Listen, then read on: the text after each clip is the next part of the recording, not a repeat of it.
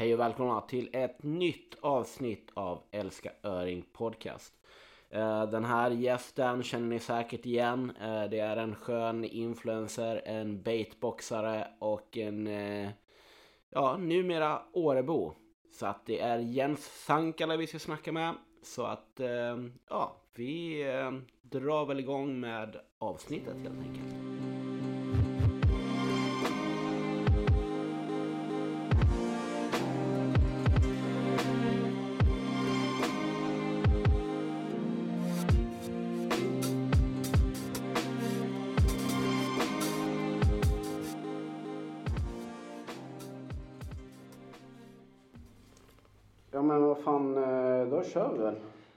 Vi testar väl. Så Vi provar väl vad som händer med det här. hur många omtagningar det blir. Äsch, det blir skitbra. Läget Jens? Jo men det är bra tack. Ja, det är tisdag. Det är tisdag, tisdag Ja. eftermiddag. Precis. Det? November. Ja. 13 november och 13 minus ute. Ja, Inte så det- mycket flugfiskesäsong. Nej det är det inte. Men pimpelsäsongen är ju igång. Ja, men det får man ju ändå säga. Den är ju, det är ju så här, eh, det är ju en tillfällig andning kan man säga. Ja, det är ju, det är ju verkligen alltså det är ju konstgjord, eh, konstgjord andning här under tiden. Precis. Det är som man säger, vad är det? The tug is the drug. ja, det är väl så man säger. Det funkar ju också med pimpelgrejer liksom. Det gör ju det. Det är det. Det är fisken, det är alltid kul att få fisk. Ja, ja, ja.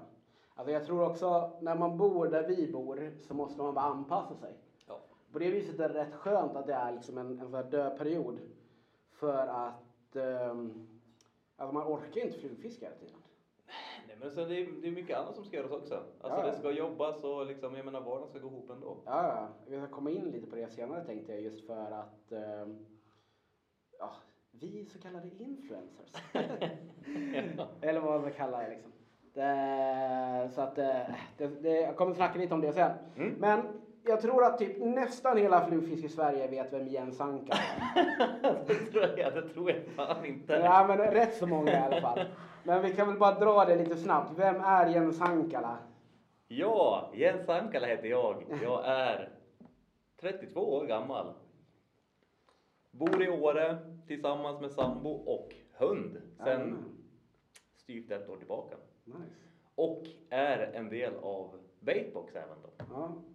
Men det är nog alltså, det är ju så folk känner till dig liksom. Ja. Att eh, liksom, det är ju baitbox, eh, baitbox Jens liksom. Men eh, ja, det är ju så mycket mer bakom det också egentligen. Man säger, nu har ni ju kört baitbox sjukt länge. Det har fan blivit några år alltså. Det? Tio år? Ja, det är mer än det. Eller Simon och Jonsa startade det 2010 tror jag. Ja. Då, satt, då la de ut första videon. ja. Det är 13 år sedan. Fy fan. Fan man har hunnit bli en gubbe här under tiden. Snorvälpar. ja. Och jag kom med, jag tror att jag började vara med 2014. Ja. Det är snart 10-årsjubileum. ja, kul, kul, kul. Väldigt. Ja men det rullar ju på. Ni kör lite filmer, ni har lite kanaler. Jag ska snacka lite om det senare också. Just, just eh, bara hela den influence-biten. Vi pratade igår om det här men jag tänker vi drar det lite senare. Men, Ja. eh, man skulle nästan kunna säga så här. Om man då bara går in på baitbox så Mm. har ju du alltid varit flugfiskaren i baitbox. Mm. Hur länge har du flugfiskat och hur började du med det? Börja med det tror jag var som ett naturligt steg från spinnfiske Mm. som man kanske höll på med tidigare. Då. Och då hade jag turen att ha kompisar som var väldigt intresserade i fiske också, som började flugfiska. Och på det spåret där egentligen, och det här är väl, ja, vad sa vi, 32, ja men någonstans 15-17 år sedan som det började. Sen har det inte varit liksom superintensivt under hela den här tiden, utan Mm. det har gått lite i vågor. Men eh, ja, det var, ja, det var någonstans där det började, när man var 15-17 år typ. Mm. Man fick moppe, Ja, man kunde köra till ställen. ja, precis. Det är många gånger sånt, sånt som sätter begränsningarna. Ja visst. Beroende på var man bor och sådär. Ja, visst. Men eh, Vi överlag. hade, vi hade, när, man gick, när vi gick i gymnasiet så, så brukade vi flugfiska i Ljungan. Nej, Mm. jo i Ljungan. Och då, då hade vi så här varannan fredag så var vi egentligen lediga efter lunch. Mm. Så var det jag och en kompis som flugfiskade mycket och så vi lurade våra föräldrar att Alltså varje fredag, varannan fredag så var det mina föräldrar som trodde att vi var lediga, varannan fredag så var det hans föräldrar som trodde att vi var lediga. Ja, Som kunde skjutsa ut oss i Ljungan då. mm. Så där stod vi varje fredag och fiskade harr istället då. ja, ja. ja, ni sket i skolan liksom. Ja, alltså, de, ja, jo det gjorde vi. Alltså, Ja. Ja. det är väl en regelrättstolkning. Ja, ja, precis. En liten, för att fiska här. Men det gick, det fanns ju öring där också. Ja, ja. Jo, men det har man ju sett och hört liksom. Men Stora är, fiskar. Ja, ja, Ljungan är, är fantastisk. Men eh, där och då var det Herren som, som var i tagen. Ja, men grejen är, jag tror också just på det viset älskar jag både här och regnbåge. För att många har ju kommit in i flugfisket tack vare dem för att de är rätt så lätta att fånga. Då. Ja, visst. Alltså just för att, att de, är, de äter gärna insekter och det är det man oftast från början tyckte var kul. Då. Att just se vak. Ja, visst. Det, var ju, det, är ju där det började. Ja. Alltså det är ju eh, torrflugefiske med liksom vad första flugan man kunde var ju typ så Red Tag eller Europa 12. va? Ja, ja. Det var det som gällde. Och så fiskade vi på ja, det man nådde ut till Ja. egentligen. Och det var ju oftast harr. Typ upp till 20-30 centimeter. Ja, men då blir det också så här en kul grej då när man väl kommer så här, ah, fan jag fick en på 32 liksom. Ja, Man bara, ja Yes, visst. typ. Så här det var, och fatta när man fick en öring. ja, Alltså det var ju så här, föräldrarna och ska hämta oss borta vid Alsta fiskekamp då. Så har de liksom sett oss stå där nere och så ringer de, ja men nu är vi här, det är bara att komma. mm. Och så ser man att det är en öring där ute. Mm. Och så står man och nöter och nöter och nöter. Kommer du ihåg din första öring på, på fluga? Jag vet inte om det är första, men en av de första är där i Alsta. Då var det, ja men typ en sån där gång. Pappa stod och väntade på oss och, och det var liksom dags att gå för typ en halvtimme sedan. Mm. Men eh, ja, så högg det en liten öring, den var ju inte mer än 20 centimeter. Ja. Men det var ju eufori. Mm. Det är ju total lycka. Det var ju liksom inget ont om harren på det sättet. Men, men att få en öring då var ju helt Ja. sjukt. Men så var det nog för min del också. För jag började flugfiska södra Sverige Mm. och, men liksom, jag fick ingen fisk där. Jag tror de liksom första flugfångade fiskarna det var så här abborre och löja liksom. Ja. Det var det som fanns liksom. Ja visst. Sen åkte jag upp till Härjedalen och fiskade. Min, min, vi har släktingar och sånt som har liksom stuga där. Fiskade nymf i Norrveman. Ja. Fick en öring på sådär ja, men 18-20 centimeter. Ja. Jag bara, alltså fan vilken king man är. Jag har fångat den första öringen. Sen är man ju såld liksom. Ja, ja. Just för det blir ju en annan grej. Alltså även om det är en liten öring. Så den har en helt annan kraft på ett flugspö. Ja liksom. visst, visst. Ja men och sen var det också liksom när man var Alltså när de flesta fiskarna vi fick där var harr. Mm. Och så visste man att ja, men det går kanske inte jättemycket öringar och de är mer selektiva, det är svårare att få. Sen när man väl får en, då var det så här, men det, nu är det, det är bara det här som gäller. Mm. Fan vad kul det var liksom. Ja. ja, men jag tror också Allting har kanske lite vad man är uppväxt med och vad, liksom, vad man sätter, vad man kommer in i flugfisket och sen vad det blir som man tycker är kul. Liksom. Ja visst. Alltså just, man kan tycka allt flugfiske är roligt men man har ju liksom alltid sina favoriter. Liksom. Ja. Och då blir det så här, ah, men fan, typ, jag vill åka dit, jag vill göra det, jag vill fiska den fisken där. ja visst. Och jag tror typ för dig och mig är det ju öring liksom. Eh, Absolut. Så det är ju sådär. Det, va, men vad är det du älskar med öring då? Att den är, kan vara liksom ganska varierad. Ja. Den är dels, alltså dels kan den vara, alltså det kan vara jävligt selektiv. Mm. Den kan, den kan liksom ha bestämt att den ska äta en insekt i ett stadie, en storlek. Mm. Och lyckas man inte pricka det, då blir man ju sjukt frustrerad. Ja. Framförallt om man ser att det står en fisk på ett ställe och Mm. Sen är det ju, alltså, ja, dels kraften i dem, men även hur, alltså, hur vackra de är. Mm. Det, de kan komma i många olika skepnader med tusen prickar och vara guldiga eller blanka eller komma i få prickar, vara mörka, bruna. Alltså kan få röd nyans ibland om de käkar mycket kräftor typ. Alltså det, Du kommer ju, det är precis så här, du kommer ju aldrig fånga en öring som ser likadan ut som en annan öring Nej, i stort sett liksom. nej visst. Så att det är ju, och du, jag vet ju du fiskar också lite havsöring och sådär. Du fiskar ju, du har fiskat ju på många liknande ställen. Men det Ja, är just det att man har säsongen, man har variationen. Alltså du kan mer eller mindre alltid fånga en öring oavsett om det är december Ja, eller i juni. Men sen tycker jag också att det är lite så här, alltså jag tycker att man lär sig varje gång man är ut. Mm. Om man trodde att man fattade någonting, Mm. alltså men så här funkar de. och så kommer man ut Ja. och så blir man liksom motbevisad för saker som man trott man har vetat i tio år. Ja, ja. Nej, den här gången så var det inte så. Alltså så var ju min säsong i år. Alltså det, jag, jag, jag nämnde i ett av poddavsnitten att så här, jag, jag känner mig som Sveriges sämsta flugfiskare. Alltså jag har ändå bott här i fem år. Ja. Jag kan platserna. Jag vet vad det är som gäller och så här. Jag, typ, jag var i mängder med fisk. Ja. Men tappar dem eller missar dem eller tafsik. Alltså tusen saker och polarna bara ah, 1 och 7, 2 och 1 Ja. och man bara okej, kul, kul. Typ så här. Alltså jag var så arg och ledsen. Alltså jag hade ju nätter eller kvällar jag gick hem och bara alltså seriöst började be till Gud. Typ. Vad har jag gjort för fel typ? Men det är ju så. Men det är liksom, och det är jävligt lätt att säga om man är den som får fisk att ja, men det är det som är charmen med fisken. Ja, ja, ja. Medan är man den som står där och missar, eller liksom, alltså, ja men tafsen går eller ja, flugan, flugan bara lossnar. Mm. Inte så jävla kul så många gånger att tycka att det är charmen med fiske. Nej, nej, nej. Alltså jag var ju verkligen så här, så jag säljer grejerna nu. Liksom. Det var alltså, jag hade tio dagar i sträck. Jag, fick, jag fiskar ju mycket liksom. Ja. Tio dagar i sträck. Jag fick en öring på typ 12 centimeter. Ja. Och polarna då bara två, två, ett, två, tre. Alltså sådana här fiskar. ja, visst. På torrt och streamer och allting. Och man bara...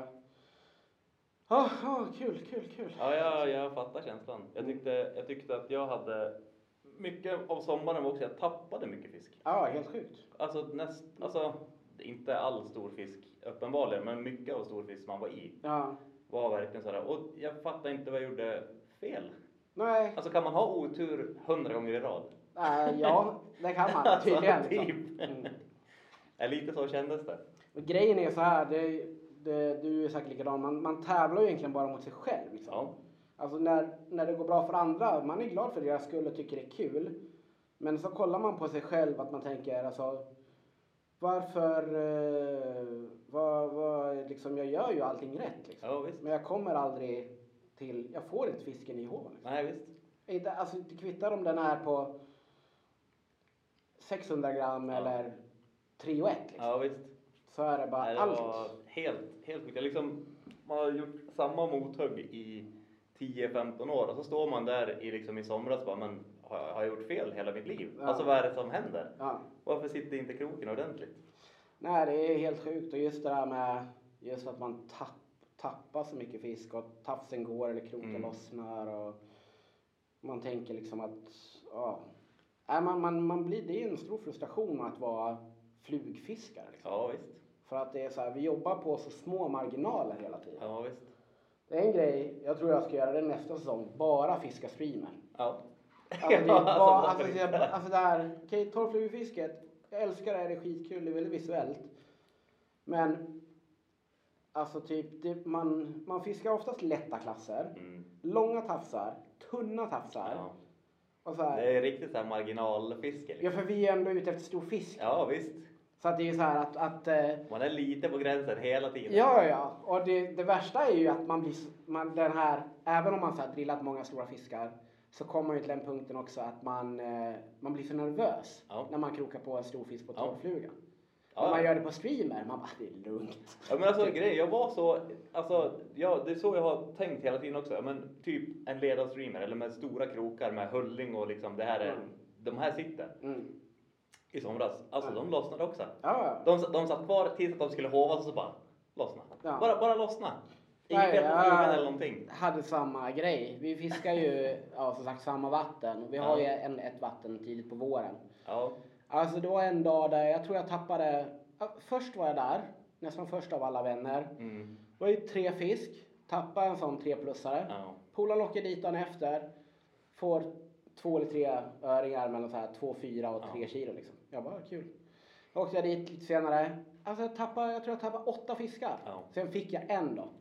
Men äh, frustrationen liksom. ja, det är det.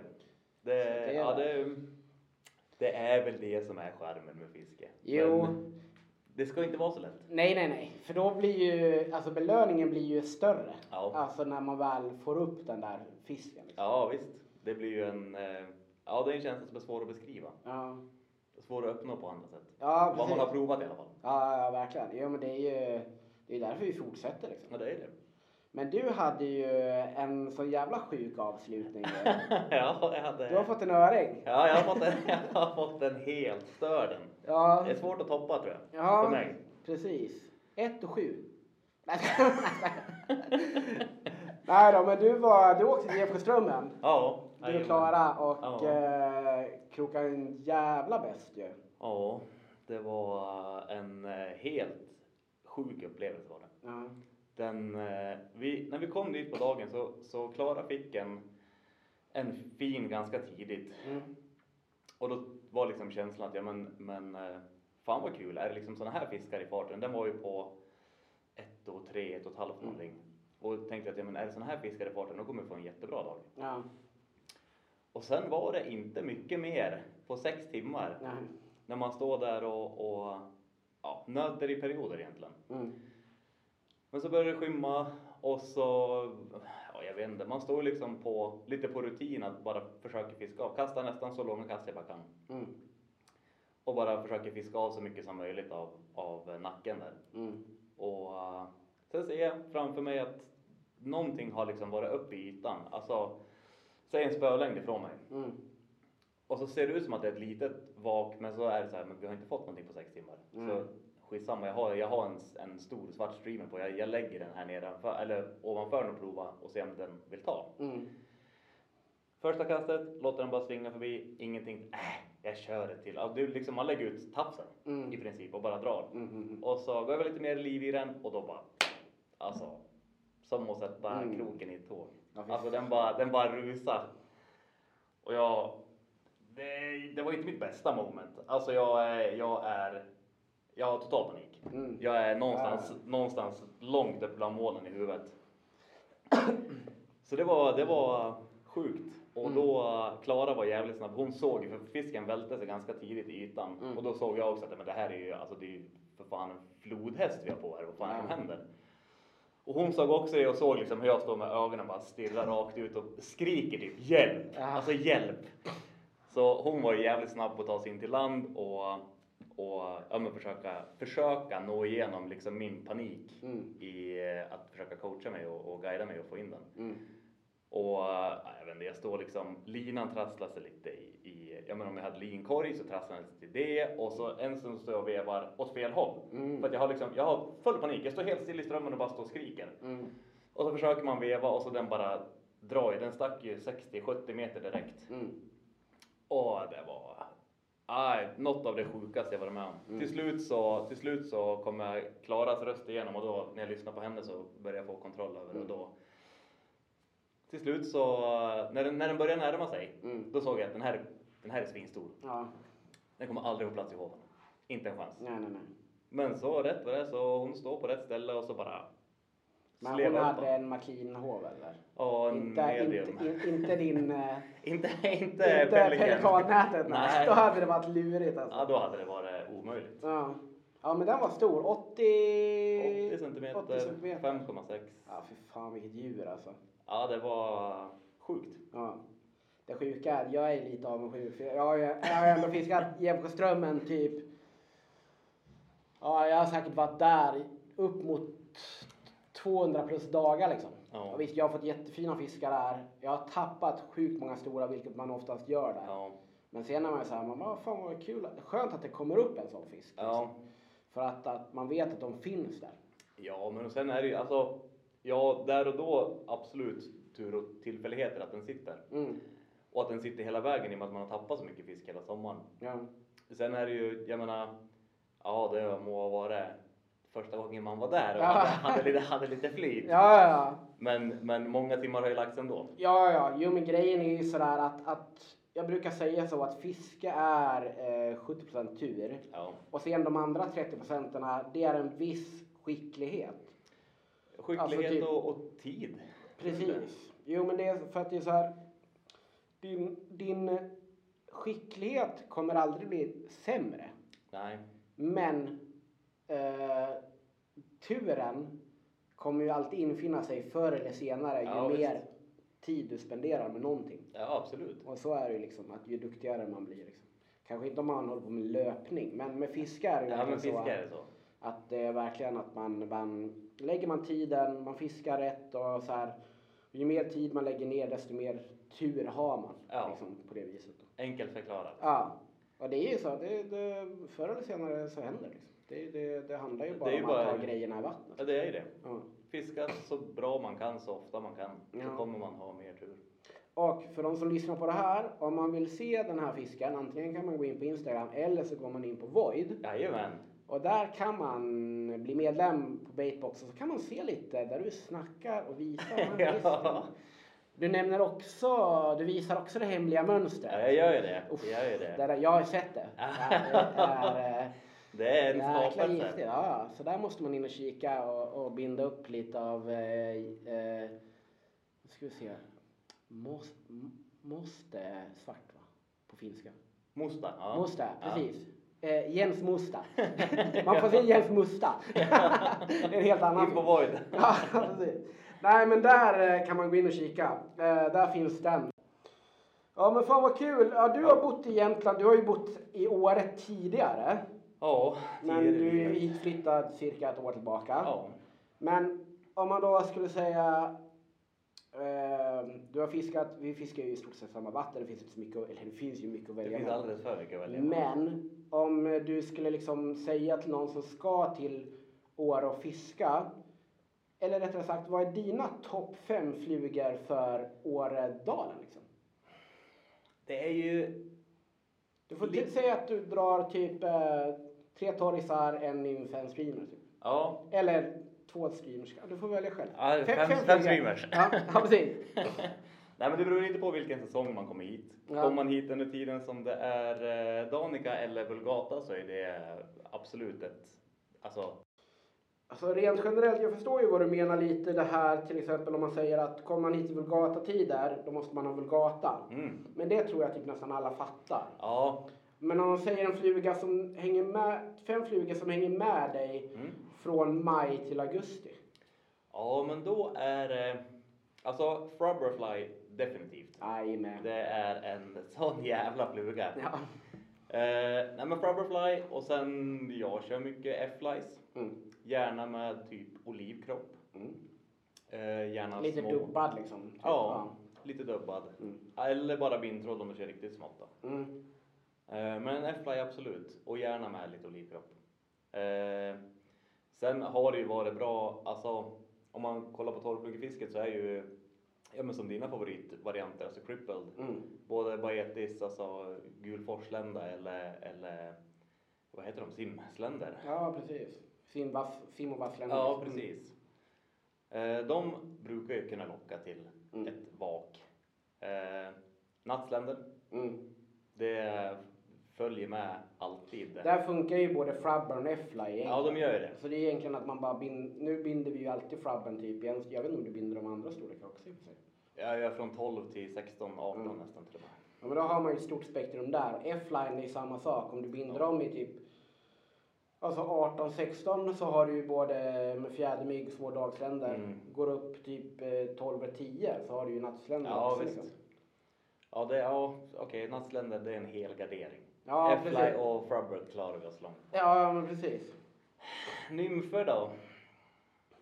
Du fiskar inte så mycket nymf. Lite. Ja, det blir uppe i, långt uppe i, på Karlfjället blir det en del. Mm. När det är lite taskigt väder, men då är det ju typ fnasket. Och Ja. gärna, eller någon rosa variant på Mm. det. Det rosa fnasket. Det rosa fnasket, den Ja, vi är... hade det så jävla bra Mm. när vi var i Ransarån för två år sedan va? Ja, Två, tror jag. ja, det är det nog. Och, Det och, var där den kom till faktiskt. Ja, och den får följa med. Ja. Och den gör jobbet. Ja. Eh, nej men sen streamer, alltså det är, eh, jag fiskar väldigt mycket KKG. Mm. Eh, och även en del eh, Rusty Confidence. Mm. På, lite beroende på situation då och vart Mm. man är. Men eh, de brukar funka bra. Precis. Jo, Rusty, jag tror... Fan, när du... Nej, ah, vad är det? Det måste vara... Är det fyra år sedan? Ja, det tror jag. Som ni var uppe, då pangade ni lite streamers av mig och då var vi och fiskade stor harm. Jajamän. Och då, de, tog, de tar ju också på Rust. Ja, de gör det. Så att eh, du fick väl någon 53, 54? Ja, där omkring. Fan, det är stor harr. ja, det är det. Det sjuka är att typ så här, du, du skulle ju kunna, man skulle, i Åre skulle du nog kunna dra en 20 stycken sådana per år om man la lite tid på Man det. tid på det. Ja. Och det är ju så här, många bara, ah, en här på 50, vi bara, Ja, men det, det har ju blivit liksom lite försäsongsfiske här. ja. Men det är, det är inte helt fel. Nej, alltså grejen är ju, det är det som är så roligt. Mina föräldrar, eller inte mina föräldrar, min familj. När jag flyttade hit för fem år sedan sa ah, du kommer flytta hem efter ett år. Ja. För att du kommer inte, det är vinter hela tiden, du kommer inte kunna fiska någonting. Nej. Alltså vi börjar ju flugfiska i mars. Ja, och slutar i typ november. Liksom. Ja, Så det är långa säsonger och det, för det är ju också där att det finns ju alltid öppet vatten någonstans. Liksom. ja så är det. Och vill man åka några timmar så har man ju havsöring vare sig om man åker mot Norge eller mot Västerbotten. Liksom. Ja, visst. Så att det finns Det finns alltid. väldigt mycket att man utgår man härifrån så kommer man åt väldigt mycket. Ja, Och ja. du kan fiska väldigt stora delar av året. Ja, ja, ja. Jo, verkligen. Det är ju... Vi körde ju lite avslutningsfiske här för, vad kan det vara, tre veckor sedan kanske? När vi var och nymfade lite i Snöstan. Jajamän. Det var kallt som fan. det var riktigt jävla rövkallt. Ja, fick man en fin öring. Ja, du fick ju det. Ja. ja, man är bortskämd på det viset. Ja, det är ju visst. egentligen är ju, det är ju egentligen bara typ i september som de strömmande vattnen är stängda. Ja. Och sen, sen efter det så, så äh, ja, öppnar upp igen. Ja. Eller och vissa sen har du ju lite kärnor under tiden som inte isen har lagt sig också. Precis, precis. Som kan vara värt ett besök. Ja, verkligen. Enda problemet är ju den gamla gode älgjakten. Den är ju där. Ja, precis. Den är ganska populär i Jämtland. Ja, av någon konstig anledning så gillar ju folk att skjuta saker. Ja, nej men så att man, vi, har, vi har det bra här. Absolut. Det får man ändå säga.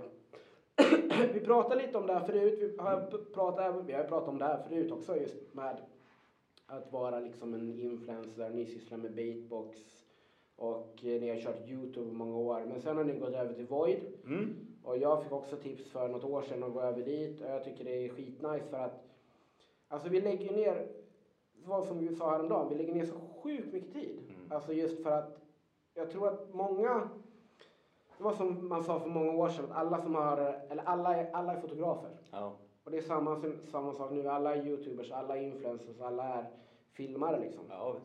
Men det är ju det att man, man lägger ner sjukt mycket tid. Jag förstår, de som inte vet vad Void är, det är ju en betalkanal kan man säga. Ja, det är som en typ, ja dels har de pay per view egentligen, alltså Void TV. Mm. Och så nu har de lanserat en tjänst som heter Void Play då, som Ja. är som en, en streamingtjänst. Mm.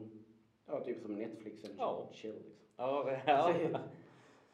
Nej men ni gick med där för ett par år sedan och Mm. ni, där kan man ju bli medlem då för en liten summa. Det är inte många kronor per, per månad och då får man ju se, man får sjukt mycket material. Mm. Oftast ibland så får man också se de äldre filmerna eller nya filmer Ja, till en visst. annan kostnad och så vidare. och Sådär då. Ehm, men det är ju verkligen så att jag tror att just det här med att, ja, vi snackade lite om det här med att när man filmar att, att säg att på, på tio timmars filmning så har man kanske, har man tur så har man tio minuters material. Ja. Alltså om man har tur. ja, visst.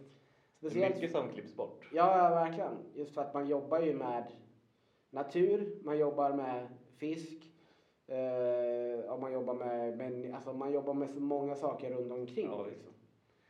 Det är, det är ju, alltså det som egentligen tar tiden, det är en sak att plocka upp kameran när man är ute. Eh, Det tar lite tid men det går inte ut speciellt mycket av upplevelsen. Mm.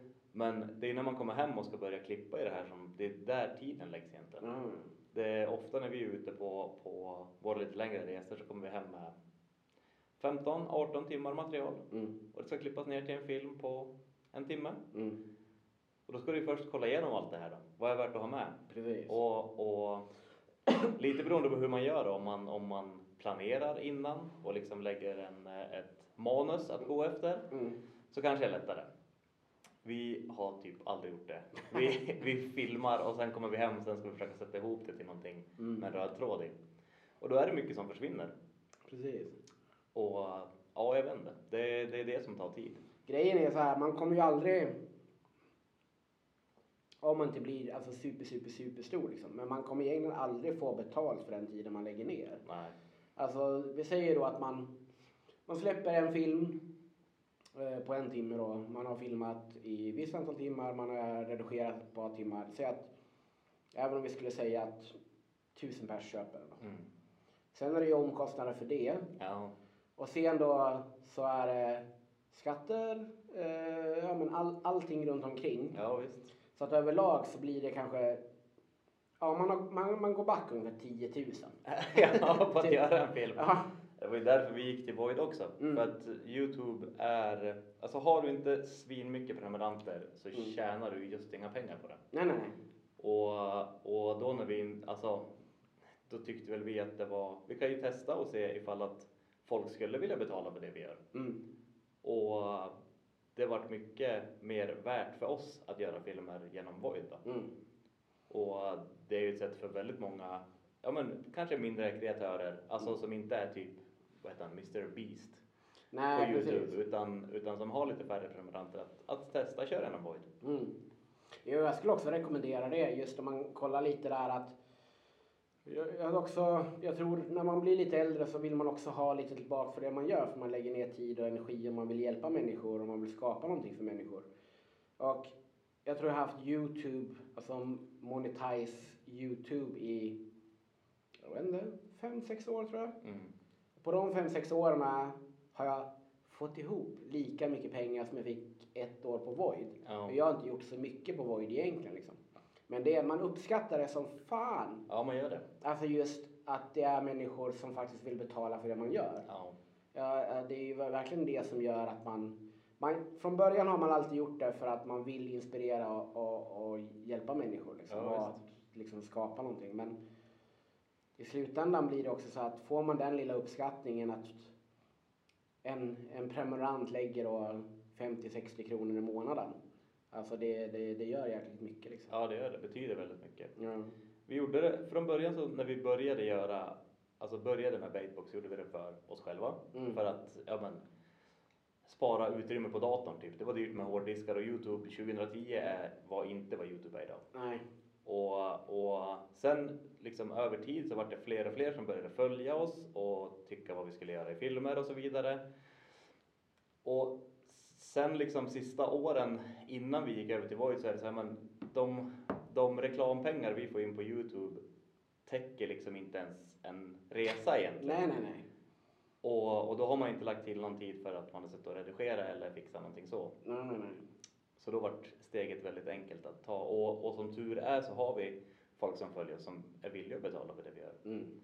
Nu blir vi inte rika på det vi gör heller, Nej, men, nej. men det täcker omkostnaden i alla fall. Ja, och det är ju lite så man ser det. Jag gjorde samma sak när jag började med Youtube för sjukt många år sedan då. Jag vet inte hur länge jag haft min Youtube men jag har alltid älskat att binda flugor och jag har alltid, det har alltid varit folk som har frågat bara, ah, men okej, hur binder du den? Hur binder du den liksom? Mm. Och man bara, ja men absolut, gör så här och så här. Men det är så mycket enklare att visa saker genom film Ja. än att bara skriva ner hur man ska göra. För Ja, att, visst. Och då, det var det som var grejen, att jag ville primärt hjälpa människor att bli ja, men, duktigare flugbindare. Liksom. Ja. Sen har det ju blivit mer att man försöker fiska lite och filma lite också. Men eh, jag tror man, man ska hitta sin nisch lite för att då, då, då, då får man nog rätt typ av följare eller en speciell skara liksom och sådär. Ja, visst. Att det blir roligare för folk också att de bara, fan, jag uppskattar det du gör, här har du lite pengar liksom. Ja. Om man ser det så. Det är ju, att bli medlem på Void, det, det kostar mindre än en bärs liksom. ja, det gör det. Så det är det som är grejen liksom. Kan vara värt det. Ja, alltså. Ja, alltså i alla fall om man vill, man vill eh, hjälpa till oss så vi fortsätter med det vi gör. Liksom. Ja. ja, men och sen blir det också, jag menar vi, vi försöker göra ja, men lite annat material där som vi inte släpper någon annanstans heller. Så Precis. att de som, de som faktiskt är medlemmar får någonting extra för det också. Precis. Ja, men Det- någonting unikt liksom. Ja, visst. Och sen är det så här, man kan, ha det, man kan släppa det senare gratis. Men man vill också göra någonting lite extra för de som, som betalar. Att Ja, här, visst. ni får se det först av alla. Ja, Alltså ni som medlemmar, ni ser det här före någon annan i hela världen. ja visst. Och sen kan man ju efter ett eller två år då Ja, absolut. så. Och för man ska, man ska inte underskatta Youtube som exponeringsyta. För där Mm. alla kan se det. Ja, och det är gratis. Verkligen. Men det är någonstans, vill man få någonting tillbaka för det man gör annat än liksom likes och kommentarer Mm. så är eh, ja, bland annat Void då ett, ett bra sätt att gå igenom. Jag hörde nu att de skulle bredda sig i Europa också. Mm, de har stora planer tror jag. Ja, Peter Settman hakar på det. Jajamän, jajamän. Ja, nej men det blir nog skitbra. Så att ni som lyssnar på det här eller kanske till och med då tittar på det här sen.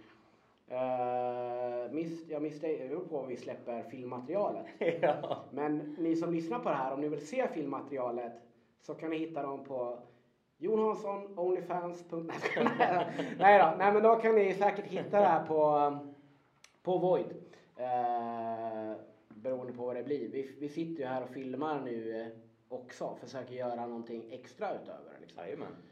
Men sen får man väl se hur det blir. Innan det är färdigt. ja, precis. Man, man har inte en jäkla aning alltså. Ja, men kul. Vad, mm. Vi har snackat lite om både det ena och det andra. Jag har ju en fråga som jag brukar ställa till folk. Mm. Eh, ett litet så här drömscenario. Mm. Vad har, nu har ju du fått den här resefisken. så det är ju, men det är kanske någonting som du inte ens hade tänkt på från början. Men Nej. om du känner så här, fan det här skulle jag vilja liksom uppleva, den här öringen skulle jag vilja fånga på i typ den här platsen eller det här landet på det här viset. Mm. Har du någon sån grej som du liksom så här, fan det här skulle jag vilja... Ja, men alltså mycket, alltså, ja, många drömmar har jag, Mm. absolut. Och, och att få, få en fin öring på Island hade varit en superdröm som gick i uppfyllelse. Mm. Eh, sen, ja i en perfekt värld så är det liksom i en solnedgång och, och eh, tillsammans med någon man älskar och, och den tar på torrt typ. Mm. Men eh, vi kommer långt på en öring på Island. Alltså. Mm. Har du någon sån här typ storlek? Är det en tvåa, fyra eller sexa? Ja, men mycket avgörs av liksom situationen. Mm. Men, eh, men säg då för att sätta ett mått eller vikt på det så säg en, en 2 plus då i alla fall. Ja, men det är ju sjukt rimligt. Ja, det gäller bara att ta sig till Island. Det är inte ens en drömöring. Alltså, åker man till Island och inte får en öring över två kilo, Ja, då ska man fan med stryk. då ska man åka hem. Jag gillar inte ens sådana bilder på, på Instagram längre. Nej. Om någon lägger upp så här, ah, två kilos för, för att okej, det är man ju vidrig som man är, men jag tror alltså, åker man till Island så där är ju typ en öring på två, två och ett halvt kilo. Det är ju så sjukt rimligt om du är där en vecka liksom. Ja, men jag tänker också så här för att, för att det någonstans ska kunna vara en dröm som också kan bli sann Ja. Så vill jag inte sätta ambitionen för högt. Nej, nej, nej. Men, men, Men om du ja, bara alltså, skulle alltså, drömma absolut, alltså, om det. total dröm. Ja. Ja. men fan ta en på 6 kilo då. Ja, Va? Det hade varit godestört. på torrt. Liksom.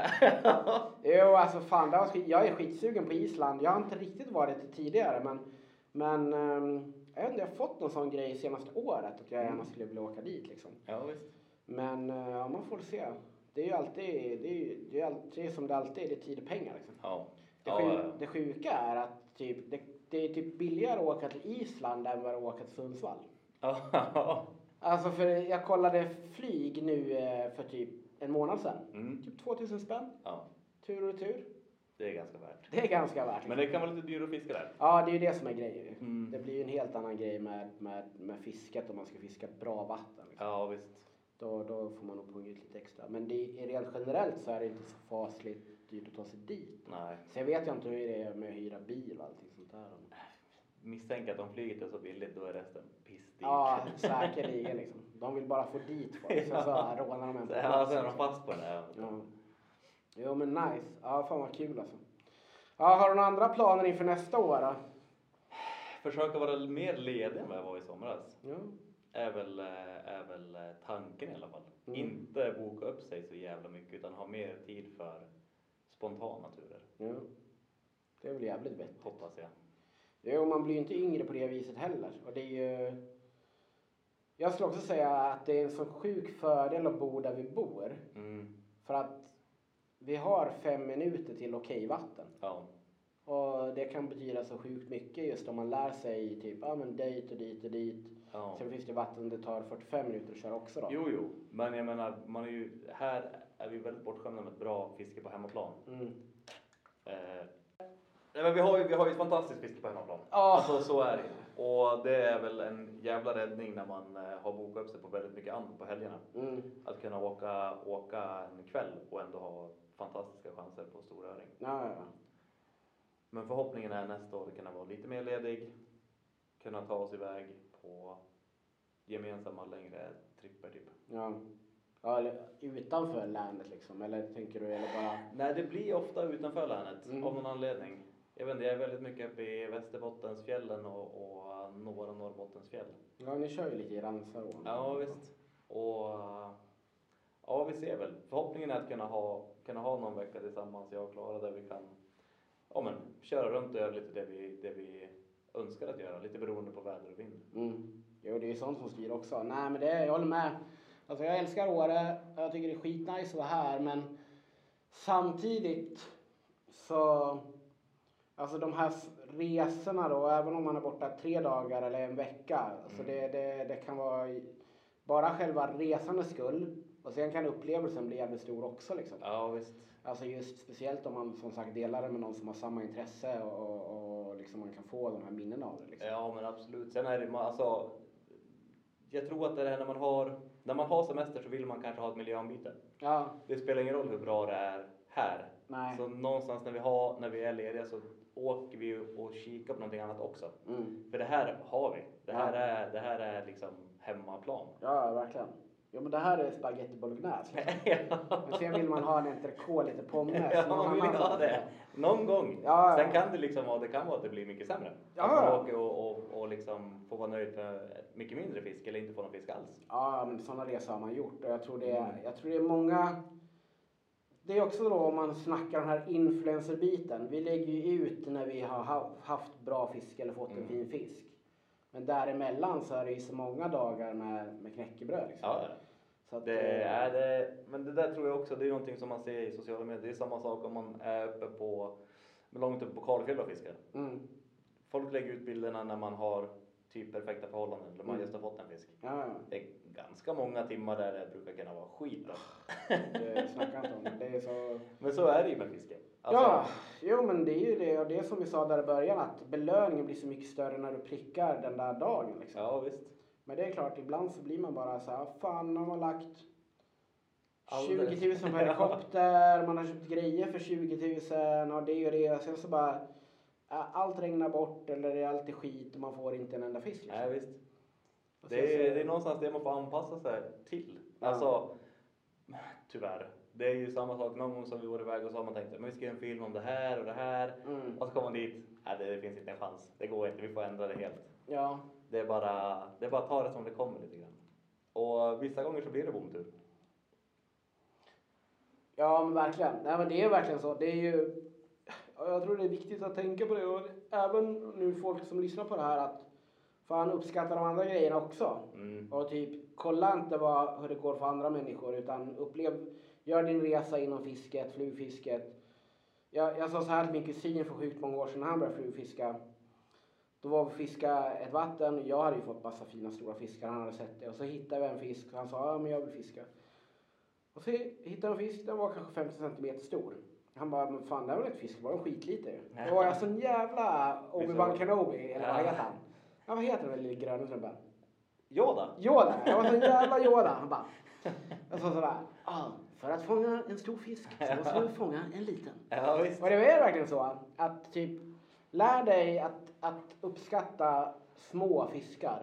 Ja, För då menar- kommer man de stora, alltså vara en helt annan grej. Liksom. Ja, ja, ja men och, och lära sig att uppskatta allting runt om också. Ja, ja. Alltså att, att inte vi, vi har sagt det någon gång att man ska inte bedöma en fiskresa ut efter hur många eller stora fiskar man har fått egentligen. Nej, nej, nej. Utan det ska ju liksom kunna vara en, en bonus. Mm. För att jag vet inte, jag höll på så förr att det var så här, men jag kunde bestämma om jag åkte istället. Men får inte jag en fisk på två kilo, då, då är det inte värt det. Nej, Så har jag varit där i tre, fyra dagar. Får Mm. inte en fisk på två kilo. nej.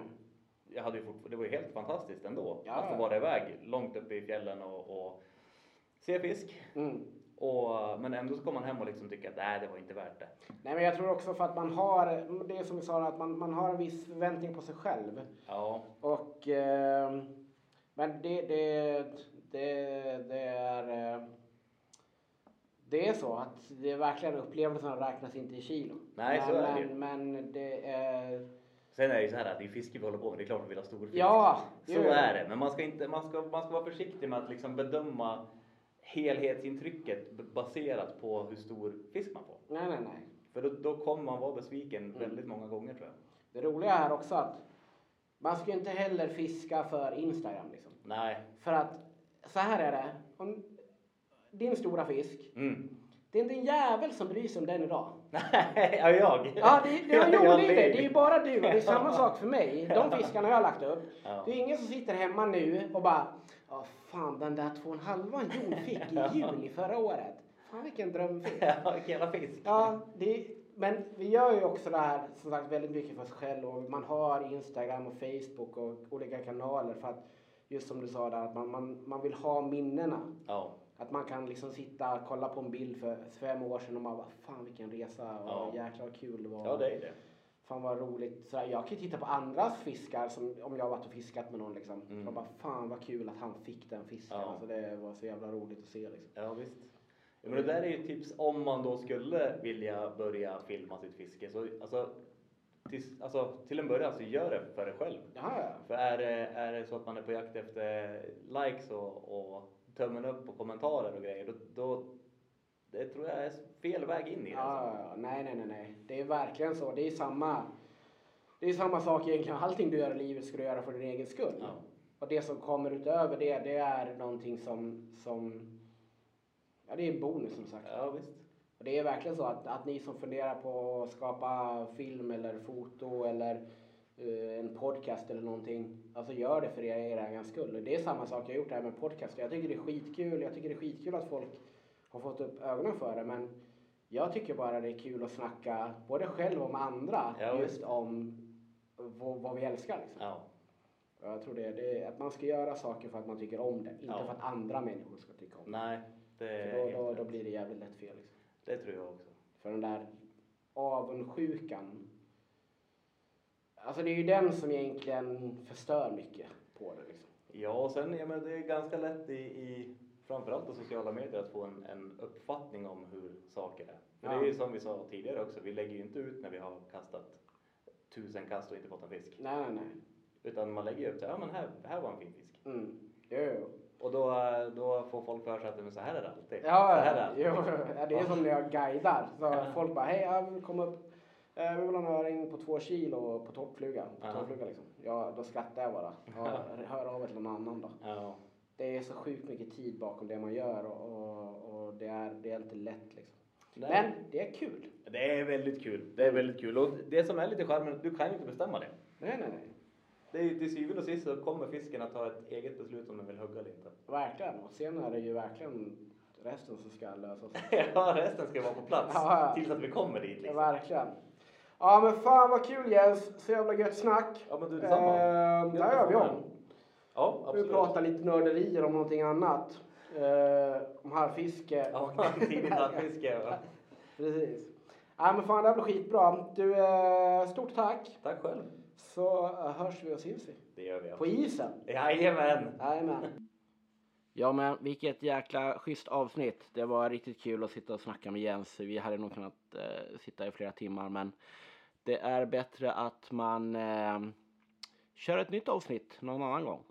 Eh, hoppas ni gillar det här avsnittet lika mycket som jag gjorde det och eh, ja, det är lite olika ändringar som kommer hända. Jag kommer köra lite schyssta demos för Loop nästa år från och med 2024. Eh, vi kör första eh, demon nere i Skåne den 6 januari. Ni kan eh, hitta lite information om det på Northern Trout Shop på eventfliken där om ni är sugna på att komma förbi, prova lite utrustning, käka en korv, få lite tips och tricks. Så att eh, där kan ni kika in om ni vill. Uh, ja, det finns väl inte så mycket mer att säga. Hoppas att ni njuter av vintern och längtar till en ny säsong lika mycket som jag. Uh, för att uh, nu börjar man bli less på både kyla och snö, i alla fall där jag bor. Ja, nej men ehm, vi säger väl så så länge och eh, så hörs vi snart igen. Och glöm inte, älska öring.